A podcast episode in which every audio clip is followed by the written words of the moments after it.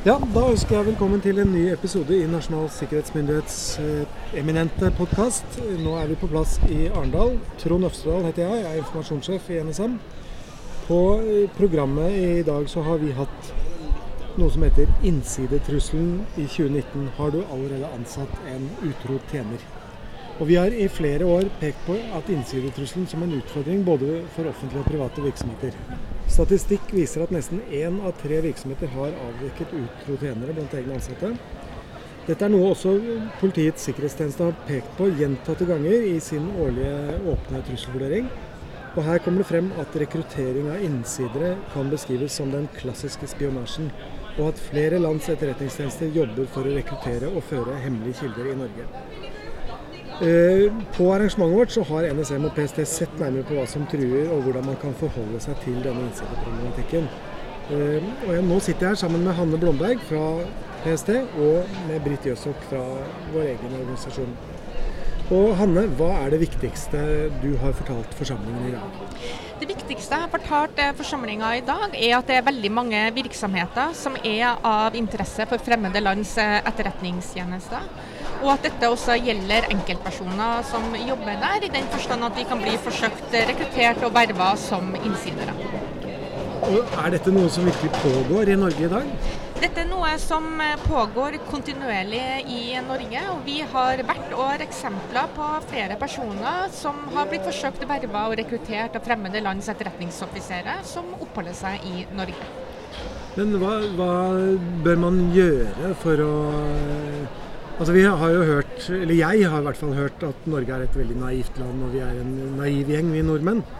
Eh, og da, Dette har jeg hørt over så mange år at jeg har lurt litt på om vi er vi fortsatt like naive, eller blir vi mindre og mindre naive? Og hva bør en virksomhet kanskje gjøre, eller hva bør enkeltpersoner gjøre? Norge er jo et samfunn hvor vi har stor tillit til hverandre. Og i den forstand så blir vi kanskje også litt naive, fordi at vi stort sett tror på det folk sier til oss når de kommer eh, Og det er, det er, en god ting? Og det er i utgangspunktet en god ting, og det syns jeg vi skal forsøke å holde på. Men så er det også sånn at eh, noen ser også sin mulighet til å forsøke å utnytte den godtroheten som vi har overfor eh, hverandre. Så eh, jeg tenker at hvis vi kan klare å beholde den eh, gode tilnæringa, men likevel øke bevisstheten på at vi kan være utsatte, mm. og at både virksomheter og enkeltansatte i virksomheter øker bevisstheten og forståelsen for at man kan bli utsatt for rekrutteringsforsøk og fra operasjoner fra fremmede lands etterretningstjenester. Bare der har man da kommet et godt stykke. Økt bevissthet, rett og slett. Og Britt, du jobber jo med skal vi si, det å, å, å, se an folk, om de klarer å holde på hemmeligheter. ja. hva, hva, driver du med da?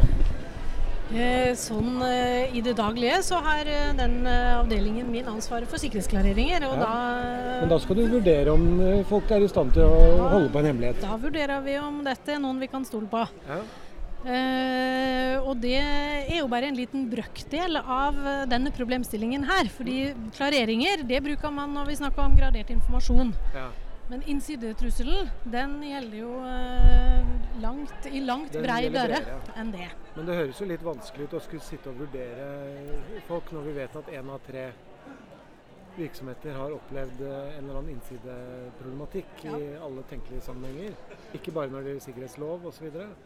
Det tror jeg er helt riktig. og Jeg er ganske sikker på at det som han og PST er inne på, at vi er naive, det er rett og slett den største problemstillinga her. Mm. Det at vi tror at dette ikke kan skje oss, mm. Eh, det at vi tror at folk vil det beste, og mm. at når vi ser aktivitet eller, eller, handlinger som er litt spesielle, så tenker vi at nei, men det kan, det kan umulig være så farlig. Men hva er en spesiell handling?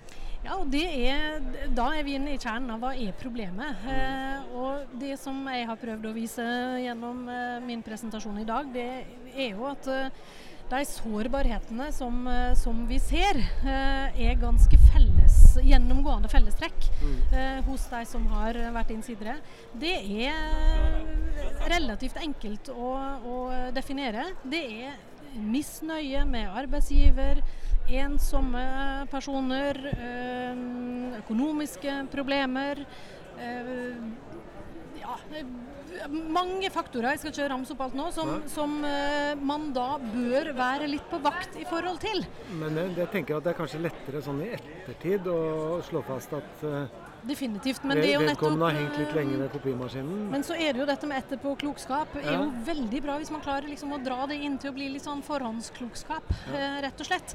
Og det tror jeg er det vi må prøve på her. Vi er nødt til å bruke de erfaringene som vi ser. og som vi, Det er jo veldig vanskelig å få slike erfaringer. Veldig mange mørke tall her. ikke sant? Ja. Dette er ikke noe som folk snakker høyt om.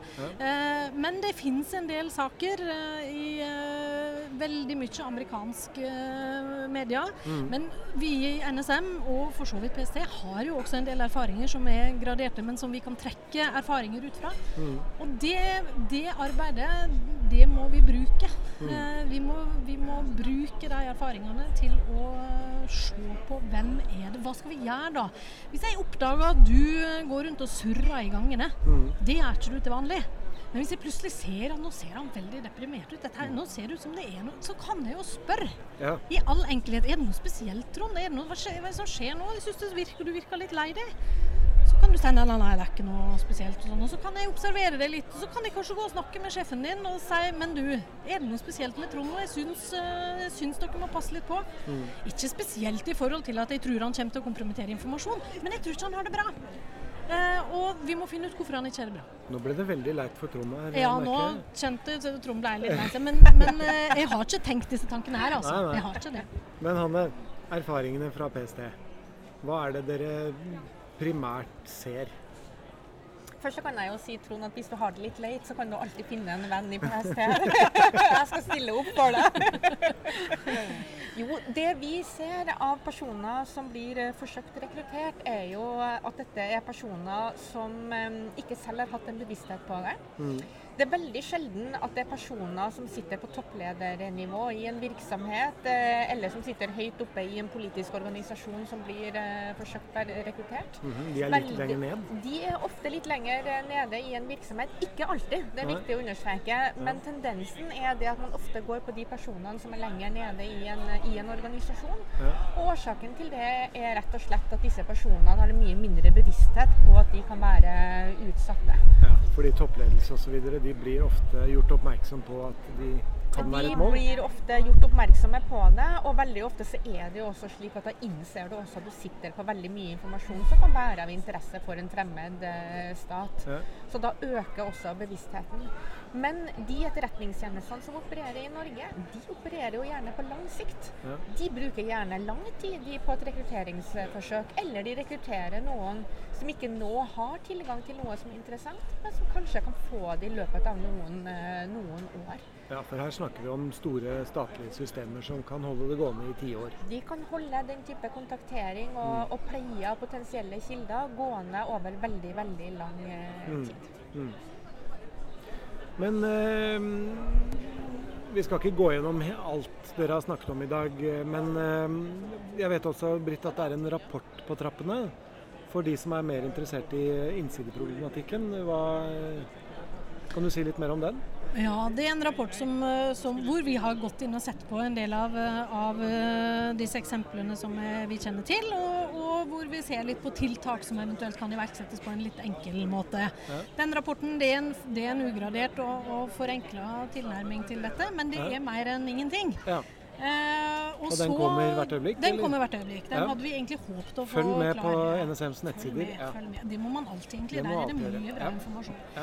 Men, eh, men jeg har lyst til å si at eh, det er sånne enkle rapporter og sånne enkle ting som, som kan betraktes nærmest som en sånn quick fix eh, på, dette problems på denne problemstillingen, det fins ikke.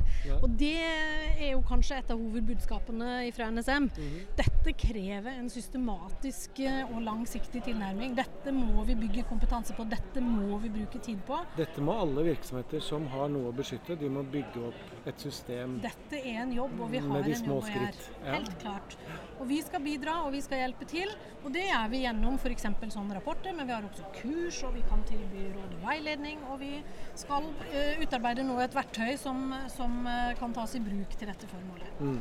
Men en sånn uh, quick fix-løsning, det tror jeg man skal lete lenge etter på dette området. Nettopp. Ehm, den er grei. Er det andre ting dere har å tillegge før vi avslutter?